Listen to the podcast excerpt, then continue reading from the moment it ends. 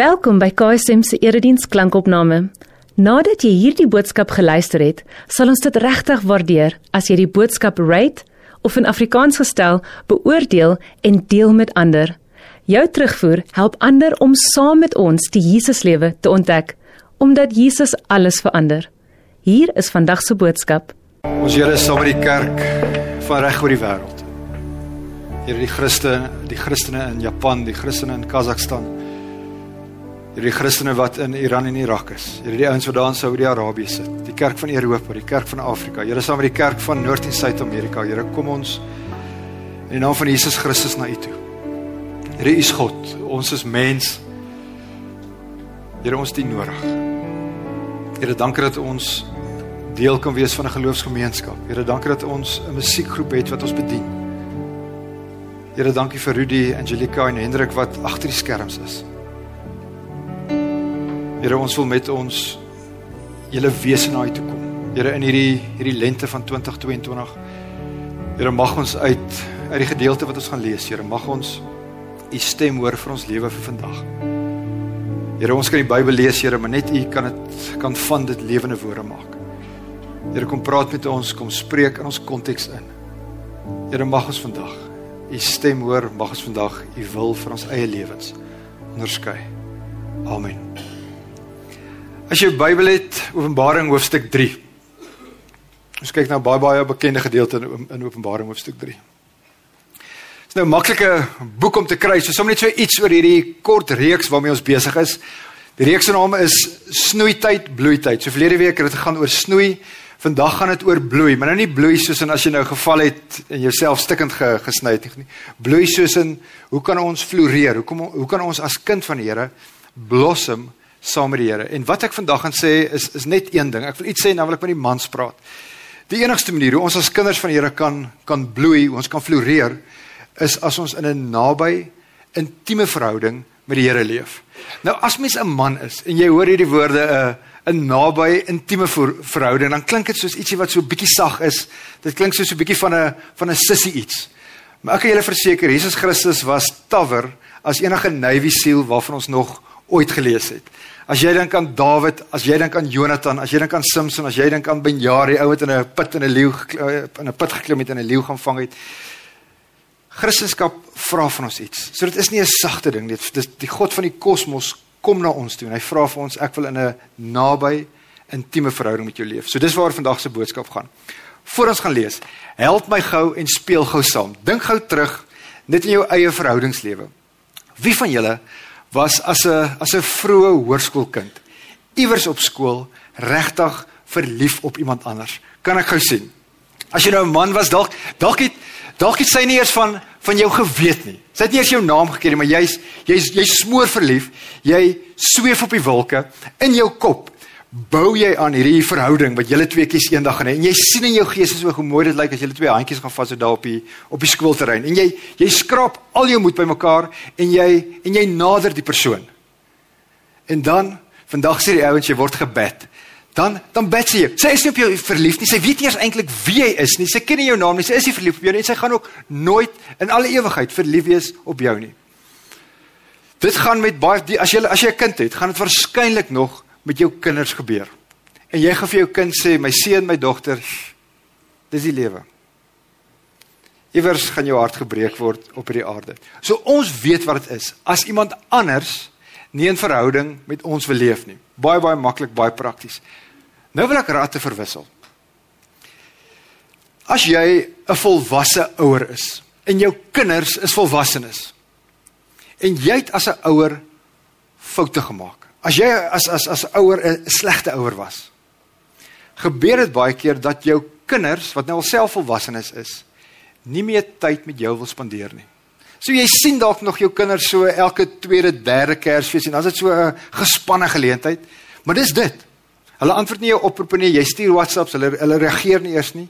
So dit gebeur baie keer dat ons volwasse kinders nie kontak met ons as volwasse ouers wil hê nie. Dis asof hierdie kind van jou jou net so op 'n op 'n afstand hou. Ons ken dit. Aan die ander kant is ook waar. Dit gebeur baie keer dat 'n pa sy gesin verlaat. Baie keer sal sal jong mense vir my sê man my pa was net sleg en die pa het uit die huis uit weggestap. En nou word hierdie kind ouer. Die kind word 'n tiener, die kind word 'n student, 'n jong werkende. En nou die kind hierdie hierdie hinkering in sy hart of die hinkering in haar hart om die verhouding met die ouer te herstel. Dit is niks vreemd nie. Ons ons almal ken dit. Maar die pa is nie keen op dit nie. Die pa is nie lus nie. Die pa sal dalk so een keer in 'n paar jaar net 'n WhatsApp stuur op 'n verjaarsdag, maar dis dit. So die kind het hierdie behoefte aan 'n naby, diep, intieme verhouding. Die kind het 'n behoefte dat hierdie verhouding herstel word. Al weet hy of sy hulle ouers was sleg toe hulle kinders was.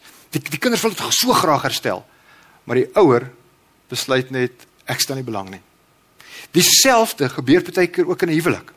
Kom ons sê jy's nou al 20, 30 jaar getroud, paar dekades terug was daar liefde, daar was vriendskap, daar was 'n stuk intimiteit. Nou is julle nog getroud. Julle dink nie aan skei nie, maar dit is asof die huwelik basies net 'n kontrak is. Met ander woorde, kon sê dis 'n huishouding waar die man werk en die vrou sorg daarso in die huis vir kos en goeder. So die man sorg nog. En die vrou doen nog wat sy moet doen.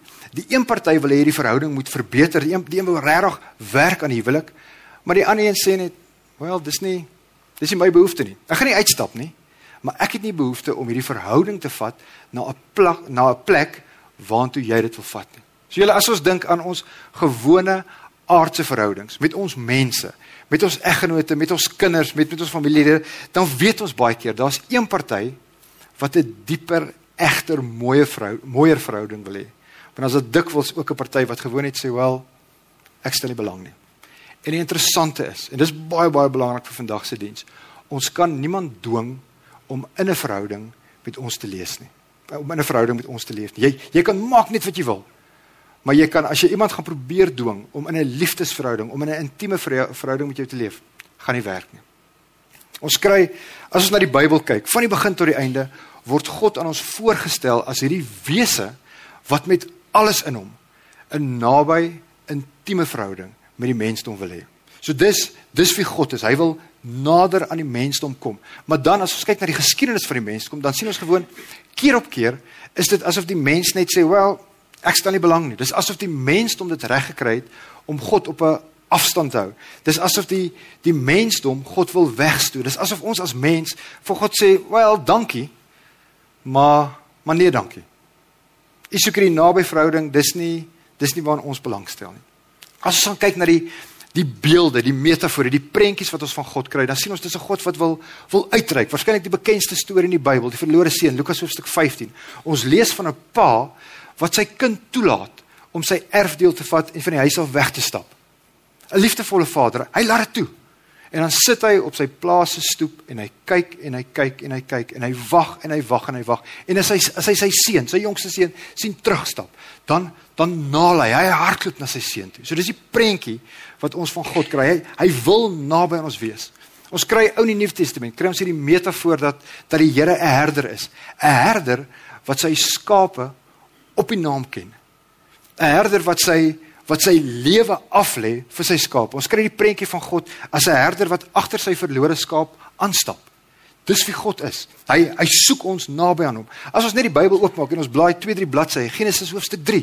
Dis die mens en ons dis daai oerverhaal en daar was sonde, hulle het gesondag en daar's nou 'n 'n breek in hulle verhouding. Nou is die vraag, wie's God? Die mens weet, Adam en Eva weet hulle het gesondag. Wie's God? God is die een wat hulle opsoek. God is een wat in die tuin gaan wandel en hy hy soek hierdie mense op. Hoekom? Om die verhouding te herstel. In die 70er jare het daar 'n boek verskyn, 'n Jood, 'n Joodse teoloog het die boek geskryf, Abraham Joshua Heschel. En die boek se naam is God in Search of Man. En dis basies die die teologie van die Ou Testament, God wat op soek is na sy na sy mense. So ons ons lees vandag uit Openbaring hoofstuk 3 uit. Openbaring is 'n interessante boek. As jy nog nooit Bybel gelees het nie, moet jy waarskynlik nie by Openbaring begin nie. Dis hierdie boek wat geskryf is deur deur Johannes. Johannes wat 'n gewone mens was, Johannes wat een van die disippels van Jesus was, waarskynlik was hy die jongste disipel en hy sê self ons, hy het Jesus gesien, hy het aan hom gevat, hy het hom gehoor, hulle het saam gekuier, hulle het saam wyn gedrink, hulle het baie tyd saam spandeer. So Johannes kom in Openbaring, veral daar hoofstuk 2 en hoofstuk 3. En hy bring die boodskap van God aan die kerk van sy tyd. So Openbaring gaan nie net oor die eindtye nie. Die eerste 3 hoofstukke van Openbaring gaan oor die hier en die nou. So as jy kyk, as jy jou Bybel oopmaak en kyk na Openbaring 2, Openbaring 3, sien jy daarso, daar's dis 'n kort briefies. Jy kan dit op 'n halwe bladsy uittik. Dis 'n kort briefies wat God aan die kerk rig. So dis baie belangrik. Hierdie dit wat ons vandag gelees word nie aan heidene gegee nie. Dit word geskryf aan die kerk van Jesus Christus. En ek wil nou sê wat ons hier gaan sien. Ons kan lees en ons kan leer uit Openbaring hoofstuk 3. Ons kan kerk wees en die kerk is altyd mense. Ons kan kerk wees, ons kan Christene wees, ons kan godsdienstige mense wees. Ons kan mooi mense wees. Maar ons kan ons nog steeds nie leef in 'n naby verhouding met die Here nie. So kom ons gaan kyk. Dis 'n baie baie bekende gedeelte Openbaring 3 vers 15. Ek gaan so 'n stukkie lees, iets sê, 'n stukkie lees, iets sê. So hierdie baie baie bekende woorde. So die Here, ek herhaal net, die Here praat nou met die kerk wat in 'n dorpie is. Dorpie se naam is Laodicea. So hy praat met hulle in hulle konteks in. Die Here sê: Ek ken jou dade. Dat jy nog koud nog warm is. So hier is kerkmense en die Here en die Here God sê vir sê vir hulle: Ek hou julle dop. Julle doen 'n paar goed wat oukei okay is. Maar dis nie great nie. Julle julle glo Maar dis nie asof julle julle geloof uitleef nie. So hulle is kerk. Hulle sal die boksie tik om te sê, "Alright, ons is 'n klomp godsdienstige mense." Maar die Here sê vir hulle, "Ek ek ken julle dade. Nie koud of warm nie." Vers 15b. Was jy nou maar koud of warm? So dis hierdie uitroep van die Here. Was julle nou maar vuurwarm? Was julle maar passievol? Ek wens is, is eintlik wat die Here sê wat, wat hy wil sê is ek wens julle wil eerder wegstap, wegstap uit die kerk uit as wat julle so so tussenin is, so sulke effe Christene is. Vers 16. Maar omdat jy lou warm is, nog warm, nog koud, gaan ek jou uit my mond uitspoeg. So hierdie is goeie mense. Is goeie kerkmense, goeie godsdienstige mense. Maar dit, die manier hoe hulle leef, die manier hoe hulle omgang met mekaar, was nie God se idee, dit was nie God se bedoeling vir die kerk nie. En dan vers 17. Hierdie is 'n uiters uiters interessante vers. Dis 'n vers wat in ons konteks van vandag inspreek. Nou sê die Here vir hulle. Hulle sê die volgende. So die Here sê, hulle as Laodicea, hulle as 'n kerk sê die volgende. Ek is ryk. Ek het skatryk geword. En het aan niks gebrek nie. So die interessante is en dis dis so, so so mooi om te sien hoe logies hierdie hierdie brief werk. Die Here sê, die ouens in Laodicea kyk na hulle bankrekening. Hulle kyk na hulle beleggings, hulle kyk na hulle materiële goed. En hulle kom agter dit gaan baie baie goed met hulle. Laodicea was 'n nou welvarende gedeelte van die Romeinse ryk. So die ouens van die kerk het, hulle het baie geld. En nou maak die kerkmense die logiese afleiding. Hulle sê, "Oké. Okay, die Here seën my. En omdat die Here my seën, beteken dit mos hy's tevrede met my lewe." So dis 'n ons doen baie keer die teenoorgestelde. As iets fout gaan ons lewe en ek as ja, ek het nou iets fout gedoen. Die, die Here is nou besig om my te straf. Die ouens in Laodicea doen die teenoorgestelde. Hulle kyk na hulle balans en hulle sê, "Sjoe, die Here moet smaal oor ons lewe, want kyk hoe baie het ek, kyk hoe baie gee hy vir my." Maar dan kom die Here en hy sê vir hulle die volgende, vers 17b. Julle besef nie dat julle elendig en bejammeringswaardig, blind en naak is nie. Die Here sê vir hulle dit dit gaan nie so goed in hierdie verhouding wat ons het, soos wat julle dink nie. Julle kerkmense is elendig en bejammeringswaardig. En dan vers 20. Woorde wat as jy in die kerk groot geword het, woorde wat almal van ons ken.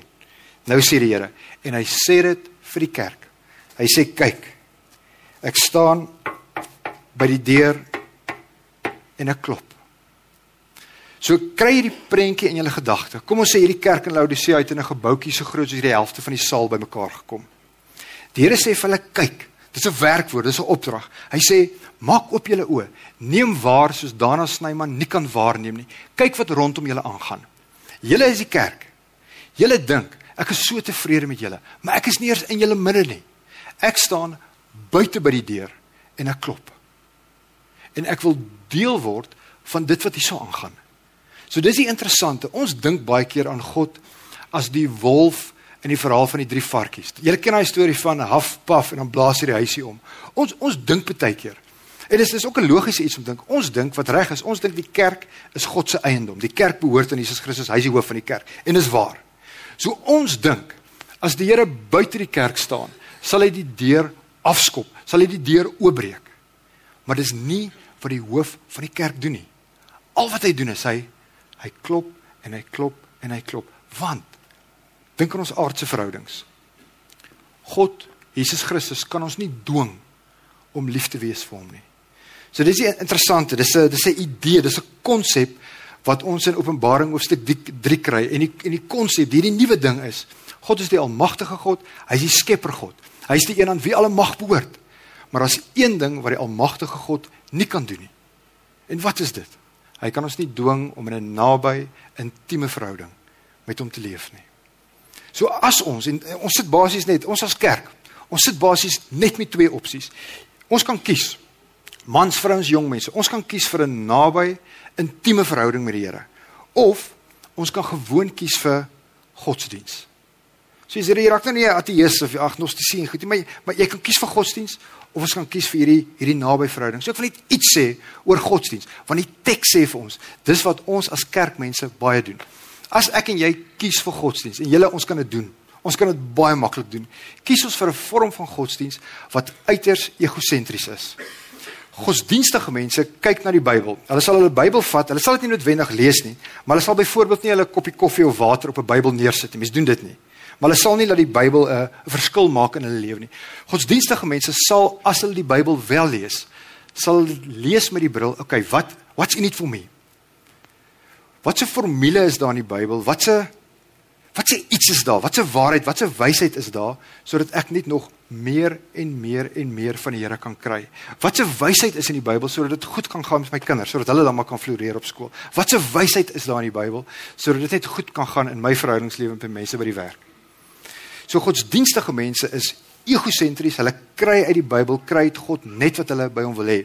Die ander kant, godsdienstige mense is uiters gevaarlik. In Johannes hoofstuk 16 praat Jesus met sy met sy volgeling. Hy praat met sy disippels, hy noem hulle sy vriende. So hulle het 'n intieme verhouding met hom. En dan sê Jesus vir sy vriende. Nou praat hy oor die godsdienstige mense. Hy sê die godsdienstige mense gaan op 'n stadium julle doodmaak. En hulle gaan dink Hulle bewys God 'n guns as hulle hierdie klomp disippels doodmaak. Maar dan sê Jesus die volgende: Hulle sal dit doen omdat hulle my Vader nie wie vir hulle weet wat daai werkwoord is. Hulle sal dit doen, hulle sal hulle sal julle doodmaak omdat hulle my Vader nie ge, geken het nie. En dan voeg Jesus by omdat hulle my as die Christus, my as die seun van God nie geken het nie. So kerk sonder mure wanneer wanneer ons onsself besig hou met godsdiens dan's God die een wat sê maar julle ken my nie. God is die een wat sê julle ken ook nie my seun nie. Julle ken ook nie Jesus Christus nie. Die interessante is wanneer ons oor tyd heen onsself besig hou met godsdiens, dan raak God 'n vreemdeling. Hy raak 'n stranger. En die volgende ding wat gebeur en dit is so dis so 'n weer eens 'n logiese ding wat gebeur. God se wil raak vreemd. So as as godsdienstig is, is ons nie meer so lekker seker wie God is, wie die Vader is nie en ons weet ook nie meer presies hoe die Here wil hê ons moet leef nie. En dan as dinge verkeerd gaan, dan raak ons woedend. So godsdienstige mense is egosentries, godsdienstige mense is gevaarlik en godsdienstige mense is kwaad, hulle is woedend. Hoekom? Hulle is woedend vir God. Want nou gaan die dinge in hulle lewe suit. Dinge werk nie uit nie. Hulle maak onwyse finansiële besluite, hulle doen gewoon net dom goeters, hulle powere verhoudingsbesluite en dan bal hulle die vuis vir God en sê, "Hoekom het jy dit toegelaat? Hoekom het jy dit gedoen?" Maar ons God die een wat sê, "Moenie my blameer nie. Want ek het jou nie geken nie." Jy het ook nie my seun geken nie. Moenie my blameer nie, moenie kwaad wees vir my nie. Want as jy my geken het, sou jy nie op daai lyntjie geteken het nie.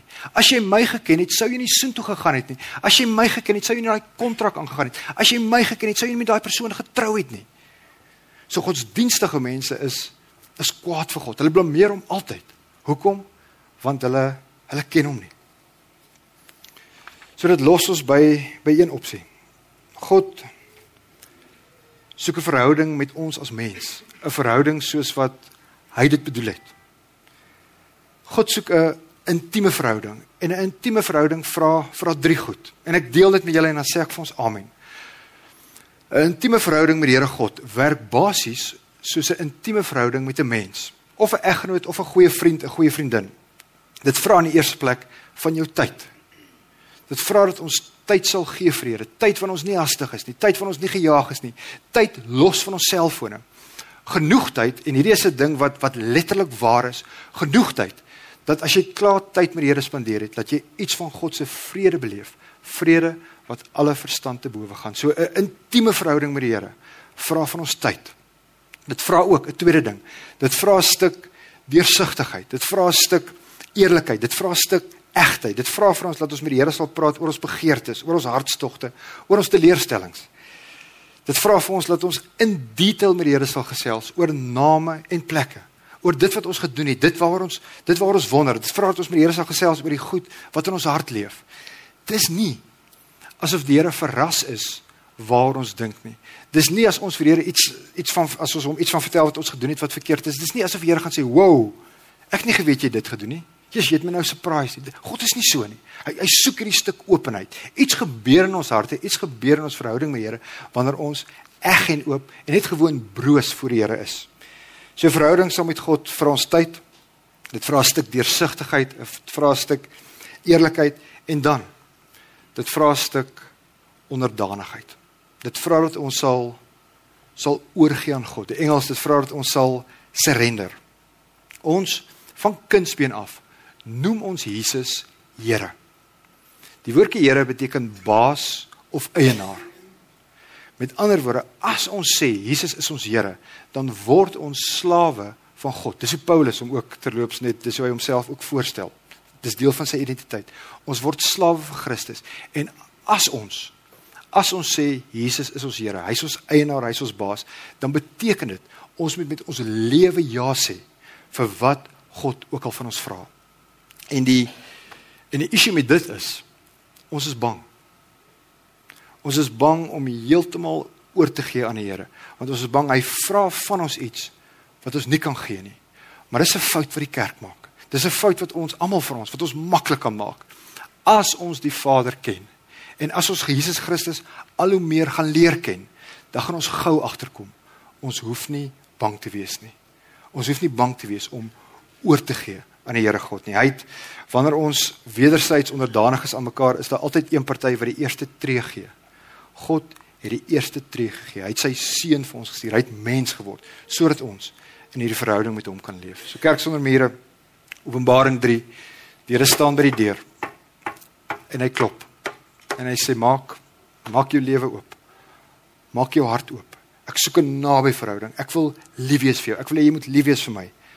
Maar kan jy nie dwing nie. God het in Jesus Christus die hoogste prys betaal sodat ons in die jaar 2022 in 'n naby intieme verhouding met hom kan leef. Amen. Ons Here Here soos die kerk in Laodicea is ons is ons deel van 'n geloofsgemeenskap. Here en ons wil dit nie altyd besef nie, maar ons besef Here, ons kan baie keer besig wees met goed.